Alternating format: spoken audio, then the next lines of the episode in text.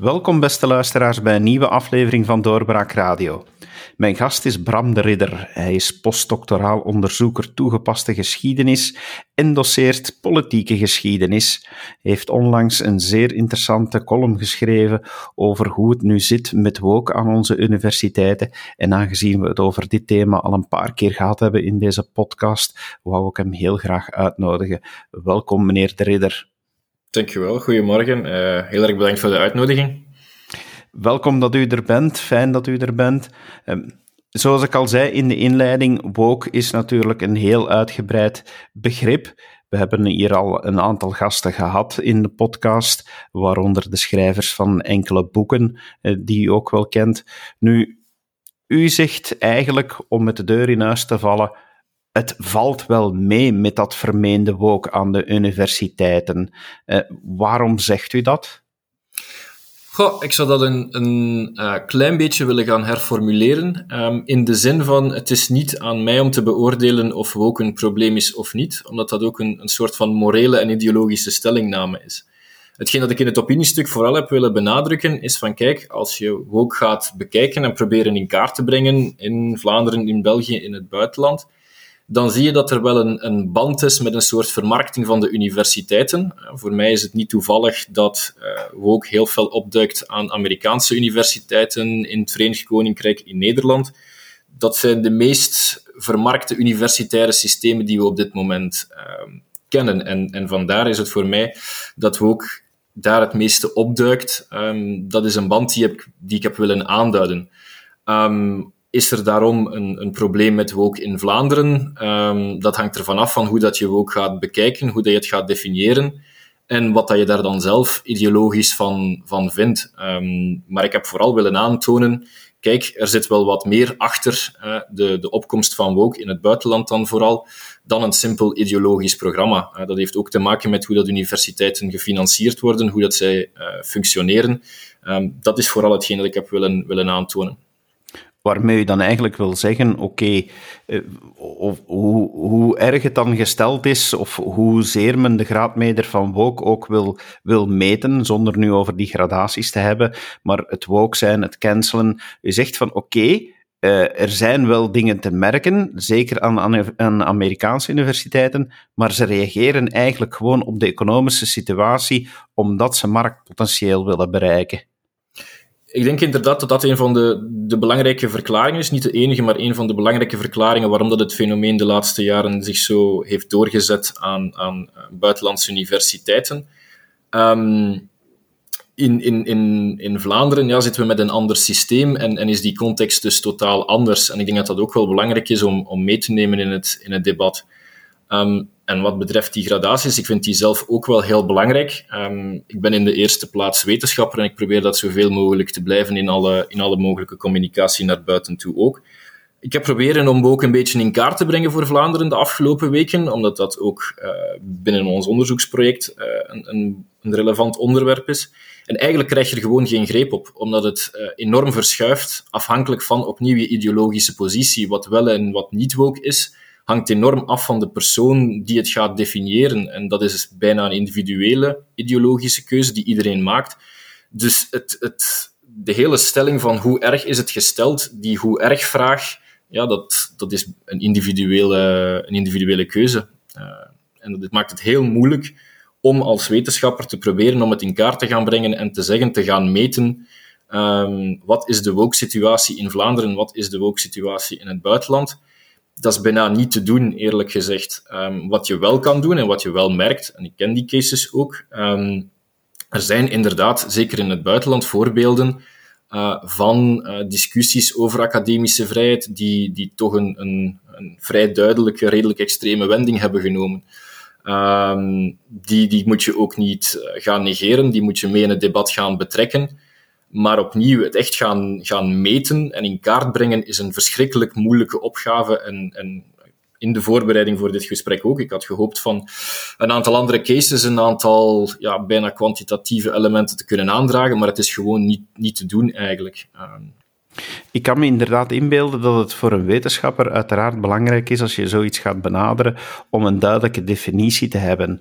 Misschien is het daarom dat we als maatschappij er enigszins problematisch naar kijken, omdat het voor iedereen ook iets anders is, omdat er op dit moment een moeilijke definitie van te geven is. Het is daarmee misschien dat sommige mensen er zich ongemakkelijk bij voelen, omdat er is wel iets, maar we kunnen het ook nog altijd niet duidelijk definiëren.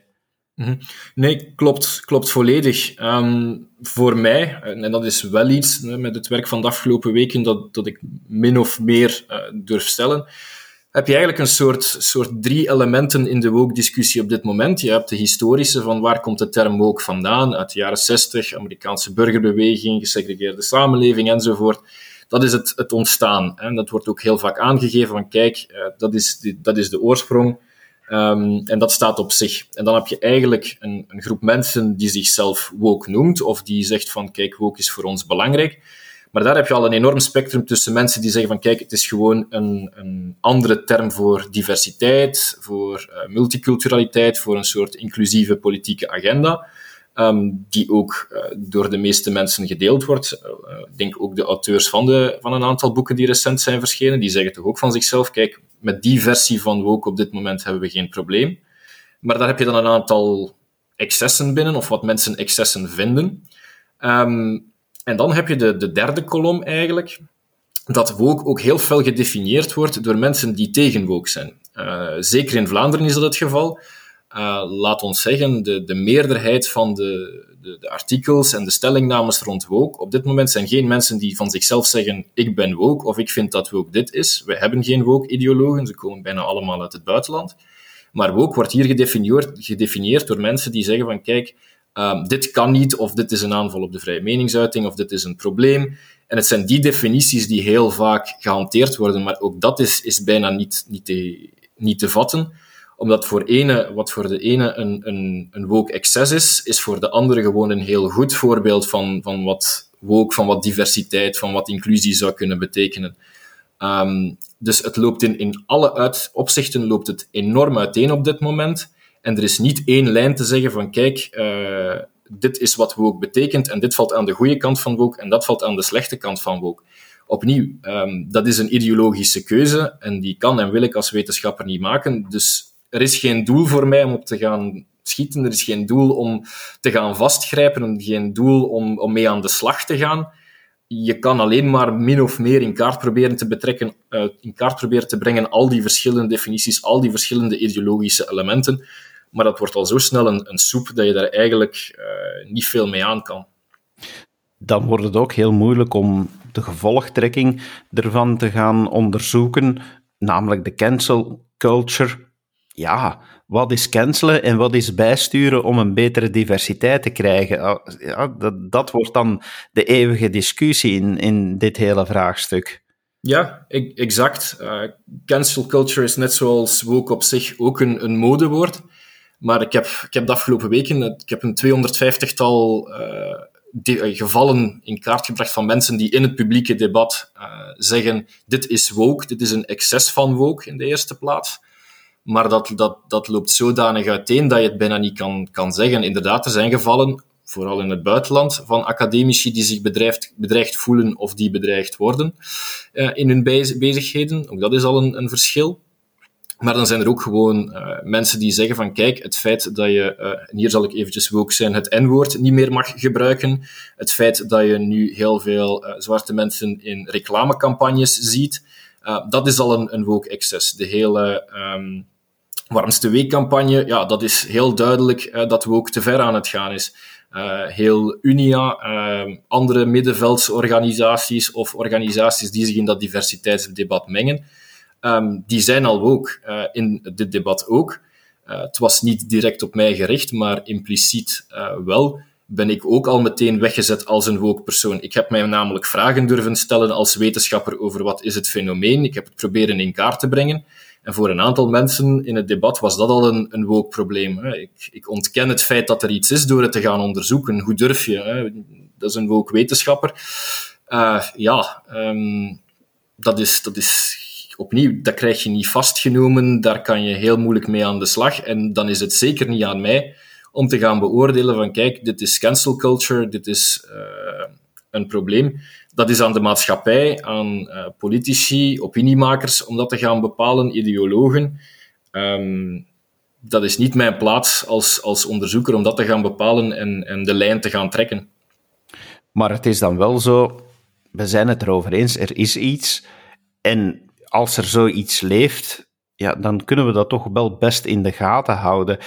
Hoe gaat u dan als wetenschapper op een gegeven moment, als u zegt, ja, het is zo moeilijk te bestuderen omdat de definitie zo variabel is, hoe kunnen we dan verwachten dat binnen de academische wereld, maar bij uitbreiding in, in de hele maatschappij, ook de politici die moeten waken over hoe onze maatschappij evolueert, hoe dat we hiermee omgaan als het zo moeilijk bestudeerd kan worden?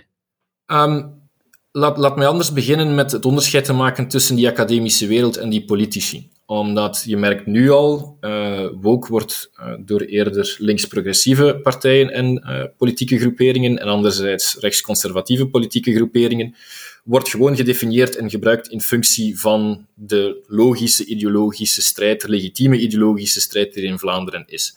Dus wat politici daarmee doen en de maatschappij, opnieuw, daar heb ik geen stelling in te nemen. Dat is niet mijn, mijn functie.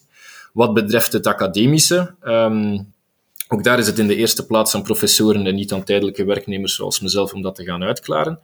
Maar ik vind het op zich al een, een, een relatief, ik zal niet zeggen gevaarlijke, maar moeilijk iets om woke te gaan, gaan binnenbrengen als term binnen het debat over academische vrijheid. Net omdat het zo moeilijk te kaderen is.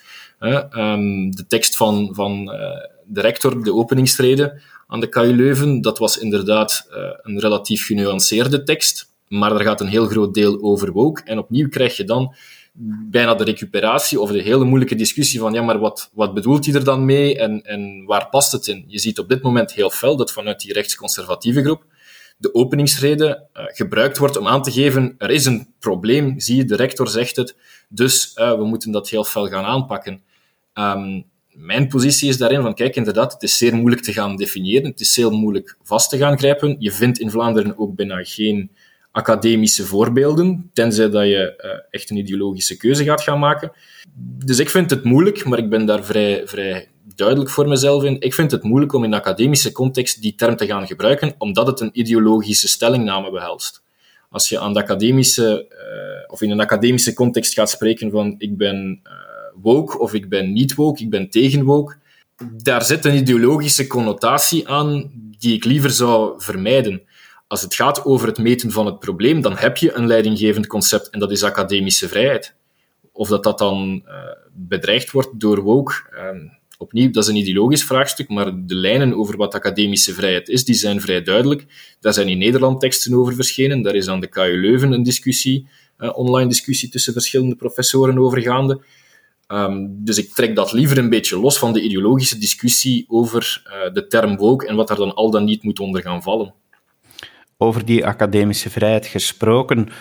Eigenlijk zegt u, als ik een aantal dingen bij elkaar plaats, dat we in Vlaanderen het beste over die academische vrijheid kunnen blijven waken door, of misschien niet het beste, er zullen vele middelen zijn, maar dat toch een heel belangrijk middel is dat we blijven kiezen voor een sterke publieke financiering van de universiteiten, omdat dan, wat we in het begin zeiden, dat die marktgedreven economie daar minder vat gaat op krijgen.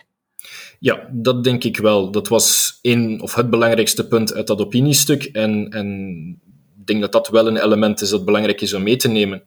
Uh, de reden waarom dat je in, in Vlaanderen kan rekenen op onafhankelijke professoren, ook al zijn, hebben die professoren, gaan die gaan stemmen, hebben die misschien een lidkaart van een politieke partij, um, waarom dat we dat diverse landschap kunnen hanteren en waarom dat die mensen onafhankelijk kunnen werken, is omdat zij uh, ze hebben tenure, ze zijn vast benoemd, dus zij kunnen in het debat stappen met een, een relatieve vrijheid. Dat wordt heel anders in bijvoorbeeld de Anglo-Saxische context of in de Nederlandse context, waar die publieke financiering um, in sommige gevallen teruggeschroefd is, in andere uh, gevallen zodanig beperkt is dat ze niet meer de groei van de universiteiten gevolgd is. Maar daar zit je met veel meer mensen met tijdelijke contracten, die heel vaak ook overwerkt zijn, die, uh, voor wie het deelnemen aan het, uh, het, publieke debat ook een risico is, professioneel gezien dan, en voor hun inkomen. Dat is een heel, een heel andere setting. Um, een, een algemeen voorbeeld en een concreet voorbeeld misschien. Een algemeen voorbeeld is de verdeling van de academische wereld in, in de Verenigde Staten. We doen heel vaak alsof dat uh, in de Verenigde Staten, dat dat een, academische wereld is zoals de onze. Dat is niet zo. 40% van de uh, Amerikaanse universiteiten en, laten we zeggen, hogescholen is publiek gefinancierd. 40% is privaat gefinancierd, zijn non-profits. En 20% is gericht op winst. Zijn winstgedreven organisaties. Dus de meerderheid, 60% van de universiteiten, van het academisch leven in de Verenigde Staten, uh, zijn mensen voor wie dat de financiën en het binnenhalen van voldoende gelden via sponsoring, via uh, studentenaantallen, gewoon een kwestie van overleven is. Ja, dat je dan gaat richten op wat een, een publiek verwacht. Hè. Ze hebben een, een, hele nieuwe markt aangeboord, om het zo te gaan zeggen, hè, door zich te gaan richten op, op um, op mensen met een, een, een, eh, een, ja, moet je in de context van de Verenigde Staten gaan zeggen, een, migratieachtergrond, een, een niet-blanke achtergrond, een niet-witte achtergrond. Eh, men heeft daar een hele diversiteitscampagne rondop gezet. En dat heeft geloond. Dus dat heeft meer studenten eh, met een diverse achtergrond naar de universiteiten gelokt. Maar die mensen verwachten natuurlijk ook, uh, of die komen daartoe met hun eigen verwachtingen, met bepaalde verwachtingen tegenover het curriculum, dat ze daar meer kunnen herkennen enzovoort. Dus dat is logisch dat je daar dan een, een druk op krijgt. En in sommige gevallen zal dat inderdaad um, tot heel extreme situaties gaan leiden, in hele beperkte bepaalde gevallen. Um, een ander uh, elementje bijvoorbeeld is de Nederlandse case. Ik zag dit weekend nog een, een tweet passeren. Ik moet een beetje voorzichtig zijn, want ik ben niet helemaal zeker van de bron, maar ik denk dat het correct is. En een aantal Nederlandse collega's hebben dat ook zo ingeschat. Is dat de Technische Universiteit Eindhoven die is sinds 2020 is die volledig Engelstalig. Dus die biedt nog een aantal Nederlandstalige opleidingen aan. Maar de hele omkadering van die uh, Technische Universiteit die is Engelstalig geworden. En dus daar passeerde nu een oproep van, uh, kijk, ook tijdens de pauzes, zelfs al ben je Nederlandstalig als student of als staflid, spreek Engels onder elkaar, omwille van uh, de diversiteit, omwille van het tegemoetkomen aan buitenlandse studenten die anders niet zouden kunnen weten waar je over, over spreekt. Um, daar werd ook in dat document expliciet de term woke gebruikt. Um, ja, dat komt uit een, een systeem. Nederland heeft zich heel fel gaan richten op dat Anglo-Saxische systeem, waar universiteiten financieel serieus onder druk staan, waar de meeste universiteitsbesturen ook managers zijn en geen uh, hoogleraren. Uh, en ja, die universiteit die moet die buitenlandse studenten gaan aantrekken, gewoon om financieel overeind te blijven in het zeer competitieve, minder publiek gefinancierde systeem. Dus dat je dat soort stappen dan krijgt om dat publiek te kunnen aantrekken, of dat je een soort overreactie krijgt van ja, we willen het publiek niet kwijtraken door uh, anti-woke te lijken of niet voldoende woke te lijken. Um, ja, dat is een, een logische stap, maar door onze publieke financiering kunnen we dat op dit moment vrij hard vermijden. Dus ik denk eigenlijk iedereen die, los van hoe je het gaat definiëren, maar iedereen die zoiets heeft van kijk, uh, we moeten erover waken, over die academische vrijheid, in de context van misschien uh, mensen die vanuit het buitenland uh, wat druk zetten rond die woke-kwestie, dan pleit je eigenlijk voor een, een, goede, misschien zelfs betere publieke financiering van onze universiteiten en ons academisch leven. Um, en dat is denk ik een van de punten die ik ook in het opiniestuk wil aanhalen. Oké, u ziet woke als een probleem. Dat kan, uh, daar heb ik mij niet over uit te spreken. Maar als het voor u een probleem is, waak er dan over dat onze universiteiten beschikken over de middelen om onafhankelijk te blijven hun onderzoek doen. U geeft inderdaad een goede verklaring voor wat er gebeurt. Maar het is tegelijk een bevestiging dat er wel zaken gebeuren. Er zijn, zeker dan in de Anglo-Saxische wereld, zijn er voorbeelden te vinden van mensen die aan de kant geschoven zijn omwille van hun houding, omwille van hun mening. Dus het, het gebeurt wel degelijk. Maar de beste manier om het hier bij ons in Vlaanderen te vermijden is die publieke financiering. Um, maar ja, als u, als u dan kijkt naar die, die voorbeelden, we hadden het ook al over die boeken, wie wat woke en, en, en woke, waarom woke niet deugt. Ja, daar zeker in, in dat laatste staan voorbeelden in, maar het zijn inderdaad vaak buitenlandse voorbeelden. Ehm, maar ze zijn er toch wel. Dat, uh, dat is toch wel een feit. Uh, ja, absoluut. Um, dus je hoort soms wel eens zwaaien van, kijk, uh, blijf weg van die hele woke-kwestie. Je krijgt er geen, geen greep op en het is allemaal um, overtrokken. Hoe meer je erover spreekt, hoe meer je uh, de anti-woke-kant in het, in het medewind in de zeilen geeft. Um, daar ben ik het dus niet mee eens. Je moet gaan kijken wat kan je bekijken als wetenschapper en wat levert dat op. En dan zijn er inderdaad een aantal voorbeelden waar dat je je vragen bij kunt stellen. Uh, ik heb de twee boeken volledig cover-to-cover gelezen en alle voetnoten uh, meegenomen om te kijken wat zijn nu die voorbeelden en wat duikt erin op. En dan merk je wel inderdaad uh, een aantal zaken op. In de eerste plaats, inderdaad, de meeste voorbeelden zijn buitenlands. Dus af, maakt niet uit welk medium je gaat bekijken. Hier in Vlaanderen, als het over woke gaat, meestal is dat dan kritiek op woke. 20 tot 40 procent van de voorbeelden komen uit een Belgische context. Al de rest is buitenland. Uh, Nederland, Verenigd Koninkrijk, Frankrijk zwaar dominant. Hier en daar is Frankrijk. Maar uh, de overgrote meerderheid van de, de, cases die wordt aangedragen, komen uit de Angelsaksische universitaire of Angelsaksische systemen in, in bredere zin. Um, dus dat is, dat is belangrijk om, om mee te gaan nemen. Nu, zijn die cases vanuit die Angelsaksische landen irrelevant? Nee, uiteraard niet. Dat is de discussie die we daarnet hebben uh, gehad over publieke financiering. Um, maar dan nog merk je wel op dat in bepaalde gevallen, en uh, dat is een van mijn uh, kritieken ook op het, op het, op het boek van, van Paul Boniface, dat um, een deel van de voorbeelden wel wat overtrokken wordt. Dus zijn vier belangrijkste cases die hij doorheen het boek meeneemt, zijn allemaal vier Amerikaanse cases. En daar gaat het ook vaak over uh, worden tot ontslag gedwongen, zijn buiten gepest geweest, hebben ontslag moeten nemen. En een aantal van die, van die belangrijke cases is het toch wel wat, wat genuanceerder. Wil je op een case ingaan, uh, kunnen we dat straks doen, maar er worden, het wordt daar toch redelijk fel aangezet als zijnde echt een probleem, terwijl dat daar toch wel wat meer nuance is in te brengen. Opnieuw, die voorbeelden uh, moet je ook gaan bekijken hoe erg hoe erg is dat? Hoeveel zijn het er? Ja. Er is eigenlijk op dit moment maar één, uh, één, één website, één project, dat voor de Verenigde Staten probeert min of meer bij te houden over hoeveel cases van cancel culture aan de universitaire wereld gaat het op dit moment. Voor een periode van vijf jaar uh, is die website, die heet The Fire, um, wordt ook geciteerd door een aantal mensen uit het, het duidelijke anti-woke-kamp, om het zo te zeggen, als uh, eigenlijk enige, enige bron die we op dit moment hebben.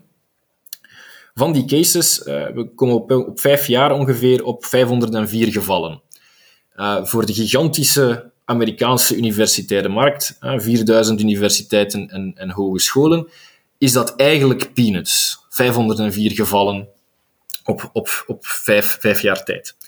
Bovendien is 30 à 33 procent van die gevallen zijn cases waarin dat de druk op de academicus van rechts van die, univers van die academicus komt. Dus ongeveer uh, een derde van die cases zijn druk vanuit republikeinse hoek, vanuit conservatieve hoek, niet vanuit woke of links-progressieve hoek. Bovendien, als je die cijfers verder gaat uitspitten, wordt het beeld nog genuanceerder, wordt het nog gecompliceerder. Um, voor zowel druk van rechterkant als van linkerkant is ongeveer in dezelfde hoeveelheid, dezelfde proportie, wordt er uh, gevraagd om ontslag van uh, de professor of academicus in kwestie. De kans om ontslagen te worden is iets hoger als die druk van rechts komt, maar eigenlijk is dat, dat verwaarloosbaar. De kans dat je moet ontslag nemen of dat je geschorst wordt, is dan weer net iets groter als je van, uh, vanuit links druk krijgt. Wat wel een significant verschil is, en dat is ongeveer het enige, dat is dat in een kwart van de gevallen als de druk van rechts komt, dat die ook gepaard gaat met dreiging van geweld. Komt de druk van links, is dat maar in 7% van die cases. Um, dus dat is wel een, een, belangrijk verschil. Dat is dat als je uh, onder vuur genomen wordt uh, door Trump-aanhangers of door uh, mensen die meer aan de rechterkant van het spectrum zitten dan jijzelf, dan heb je één kans op vier dat je daarbij ook fysiek bedreigd wordt. Of dat ermee gedreigd wordt om, om tot fysiek geweld over te gaan. Word je vanuit de linkerkant onder vuur genomen, is die kans kleiner dan 1 op 10. Dat is het belangrijkste verschil. Nu, ik heb een aantal cijfers genoemd. Belangrijk daarbij is ook dat uh, die website, The Fire, eigenlijk alleen maar kan kijken naar ongeveer een, een 7 à 8 tal uh, academische projecten die dat proberen bij te houden. Die data gebruiken zij en al de rest is data van de media. Dus je ziet bijvoorbeeld ook de laatste twee jaren dat er een, een hele stijging is aan cases die uh, nadruk leggen op woke-activisme, op hoe professoren of academici vanuit de linkerkant onder druk worden gezet. Maar dat heeft waarschijnlijk mogelijk veel te maken met het, gevoel, met het feit dat de media daar veel gevoeliger is voor geworden. Bijvoorbeeld, hier in Vlaanderen, uh, De Morgen heeft uh, dit jaar twee cases aangehaald van Britse academici die uh, onder vuur zijn komen te liggen vanuit wokehoek. Eén, professor, een filosoof, heeft ontslag moeten nemen. Dat is heel duidelijk aangehaald, maar het geval van Beverly Gage, ik denk niet dat iemand daar hier ooit van gehoord heeft, maar dat is een professor, een historica aan Yale, die in oktober zelf haar, uh, haar les uh, heeft moeten teruggeven. Zij was course director uh, Grand Strategy aan Yale. Zij heeft die les moeten teruggeven onder druk van de, de rechtsconservatieve financiers van die les. Dat is een case die hier niet wordt aangedragen. Dus opnieuw, het probleem als academicus om dit te gaan inschatten, als je dit wilt gaan vastgrijpen, is dat je heel fel blijft hangen in individuele voorbeelden, individuele cases, de meerderheid uit het buitenland, uh, een heel deel daarvan ook, ook uh, in beide richtingen vrij ongenuanceerd neergezet. Hoe moet je dan gaan bepalen hoe, dat, hoe groot het probleem is? Moet je gaan kijken naar die, die vijf cases of zes cases die de media hebben gehaald, die geëxplodeerd zijn in de Verenigde Staten? Of moet je gaan kijken of proberen in kaart te brengen welke cases je niet ziet, welke voorbeelden niet in de media komen en, en, en dat mee in rekening gaan brengen? Opnieuw, ik heb het geprobeerd, ik heb er geen vat op gekregen, dus kan ik ook geen, geen oordeel of geen advies formuleren aan we zouden in Vlaanderen dit of dat moeten doen buiten die publieke financiering. De termen woke, cancel, die leven natuurlijk heel sterk op sociale media. Misschien dat daar ook de indruk ontstaat dat het heel sterk aanwezig is, omdat die etiketten te makkelijk worden gebruikt, omdat ze ook, zoals we al eerder zeiden in ons gesprek, zo vaag zijn en dat het zo makkelijk is in dat polariserend debat om iemand weg te zetten als woke of nee, u cancelt. Uh, dat, uh, dat is dan makkelijk om, om het uh, debat uit de weg te gaan. En bij gevolg, we hadden het al over het belang van die publieke financiering, maar kom je dan tot het vaststaand feit dat open debat wel belangrijk blijft en dat, dat zeker in de academische wereld daar, uh, daar dankzij dan die publieke financiering, uh, voldoende aandacht moet verblijven? Of spring ik nu, of klets ik nu te veel dingen bij elkaar volgens u? Um, nee, dat, dat denk ik niet dat er te veel bij elkaar gekletst wordt. Um, opnieuw, dat blijft de basis, vind ik, uh, van, van heel, heel, heel de kwestie. We hebben definities van academische vrijheid, we hebben definities van vrijheid van meningsuiting. Ik weet dat daar ook de laatste tijd, uh, zeker vanuit juridisch oogpunt, het een en ander over te zeggen valt. Um, maar dat is, dat is niet mijn plaats om, om dat te gaan doen, uh, ook omdat ik het als wetenschapper te weinig bekeken heb en, en mijn data daar dus niet heb. Um, maar we hebben dat vocabulaire, we hebben die, die traditie, we hebben die praktijk.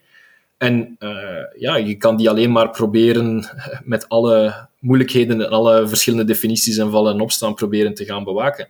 Wat betreft sociale media ben ik enigszins optimist en enigszins pessimist. Um, er is een, een Deens onderzoek uh, verschenen een tijdje geleden, ook voor het Deense parlement, waarin werd aangehaald dat heel veel van de discussies op Twitter eigenlijk um, uh, mensen met al een sterke ideologische mening aantrekken. En dat eigenlijk wat je merkt, is dat heel veel van de discussies op Twitter, uh, ik zal niet zeggen gekaapt worden, maar in C, door mensen die graag ideologische scherpslijperij doen, uh, worden gevoerd. En dat merk je in Vlaanderen ook. En de mensen die dat niet doen, die worden wat meer naar de marge van die discussie uh, geduwd. En, en, ik denk dat we dat ook, ook gemerkt hebben hier. Een tijdje geleden had Jan de Mullemeester, journalist, een, een tweet over ja, maar, wat zijn nu de excessen van woke in Vlaanderen? Kan iemand ze gaan benoemen? En daar zie je ook dat het enorm uiteenloopt. Hè. Er zijn heel concrete voorbeelden. Uh, en dan zijn er gewoon ook, ook mensen uh, waarvan dat je, dat je merkt van, kijk, ja, dit, dit is een, een soort racistische stellingname, heel duidelijk, die dan wordt gezegd van, ja, maar kijk, um, mijn racistische ideeën uh, mogen niet meer, dus de hele maatschappij is woke geworden, kort gezegd. Ook academici worden daar heel duidelijk in aangeduid van, kijk, ik heb het al aangegeven, je stelt nog maar vragen over woke, je probeert de voorbeelden te weten te komen. Ook uh, meneer de Meulemeester is daar zelf ook in bekritiseerd geweest van. Je durft nog maar de vraag stellen, dus ben je zelf al woke, dus moet ik met u geen, geen rekening meer houden. Dat is natuurlijk een evolutie die moeilijk ligt. Um, of dat je gevaarlijk vindt of niet, dat is, dat is een deel persoonlijke mening. Maar die er wel is. Anderzijds, ik ben in die discussie uh, op Twitter ook eventjes gesprongen, maar telkens met de vraag, er waren een aantal voorbeelden uh, die mij niet duidelijk waren, en dan heb ik gewoon de vraag gesteld van, ja, kijk, volgens jou is dit woke, waar is je bron, waar komt dit vandaan, wat zijn de elementen? En, en daar krijg je dan meestal een heel beleefde respons op, en dan krijg je meteen het voorbeeld, en, en dat loopt eigenlijk heel, heel goed. Dus je hebt die hele ideologische discussie die heel snel ontspoort en die heel snel onbeleefd wordt. Maar er zijn ook mensen op Twitter die je gewoon om informatie kan vragen, met wie dat je nog wel echt een discussie kan voeren. Een voorbeeldje vanuit mijn eigen praktijk misschien daar ook. Mary Beard, Classica aan, uh, aan Cambridge, geloof ik. Um, zij is ooit uh, zwaar bekritiseerd geweest omdat zij een onderzoek had gedaan waaruit bleek dat binnen de Romeinse wereld, uh, laat ons zeggen, kleur toch meer aanwezig was dan voorheen gedacht. Uh, enorm voor op de korrel genomen um, door mensen die dat niet vonden kunnen. Hè. Het klassieke verleden is en moet zal wit of blank zijn, afhankelijk van hoe je die termen wilt gaan gebruiken. En zij is gewoon in, op, op Twitter heel beleefd, met een, een, vragende houding, een open en vragende houding, naar die mensen, die critici, gestapt en gezegd van, kijk, wat bedoel je? Um, hier, is, hier is wat bewijs van mijn kant. Uh, ze is daarmee in discussie gegaan. In één geval is ze zelfs ermee op café gegaan, effectief. En heeft ze die persoon ook nog een aanbeveling gegeven, een van die critici, een aanbeveling gegeven bij een sollicitatie. Dus Twitter kan ook nog altijd heel civiel verlopen en kan tot hele mooie resultaten leiden tot een waardevolle discussie, zolang dat je de, de ideologische stellingnames maar en vermijdt zelf en negeert uh, als je ermee geconfronteerd wordt. Ik denk dat dat uh, een heel mooie conclusie is. We kunnen hier nog uren over praten, maar ik vond het heel leuk om uw stelling te horen en, en de analyse. Uh, zeker omdat ze ja, vanuit een, een zeer wetenschappelijk standpunt wordt gedefinieerd. Dank u wel, meneer De Ridder, om tijd te nemen om dat allemaal toe te lichten. Graag gedaan. En altijd bereid tot meer toelichting, uiteraard. Wie weet, het zal een onderwerp zijn dat nog uh, zeer lang zal blijven leven. En onze luisteraars zijn er enorm in geïnteresseerd. Beste luisteraar, u ook bedankt om te luisteren en heel graag tot een volgende keer. Dag. Dit was een episode van Doorbraak Radio, de podcast van doorbraak.be. Volg onze podcast op doorbraak.be/radio of via Apple Podcasts, Overcast of Spotify. Bezoek ook onze website op doorbraak.be en steun ons door een vriend te worden van Doorbraak.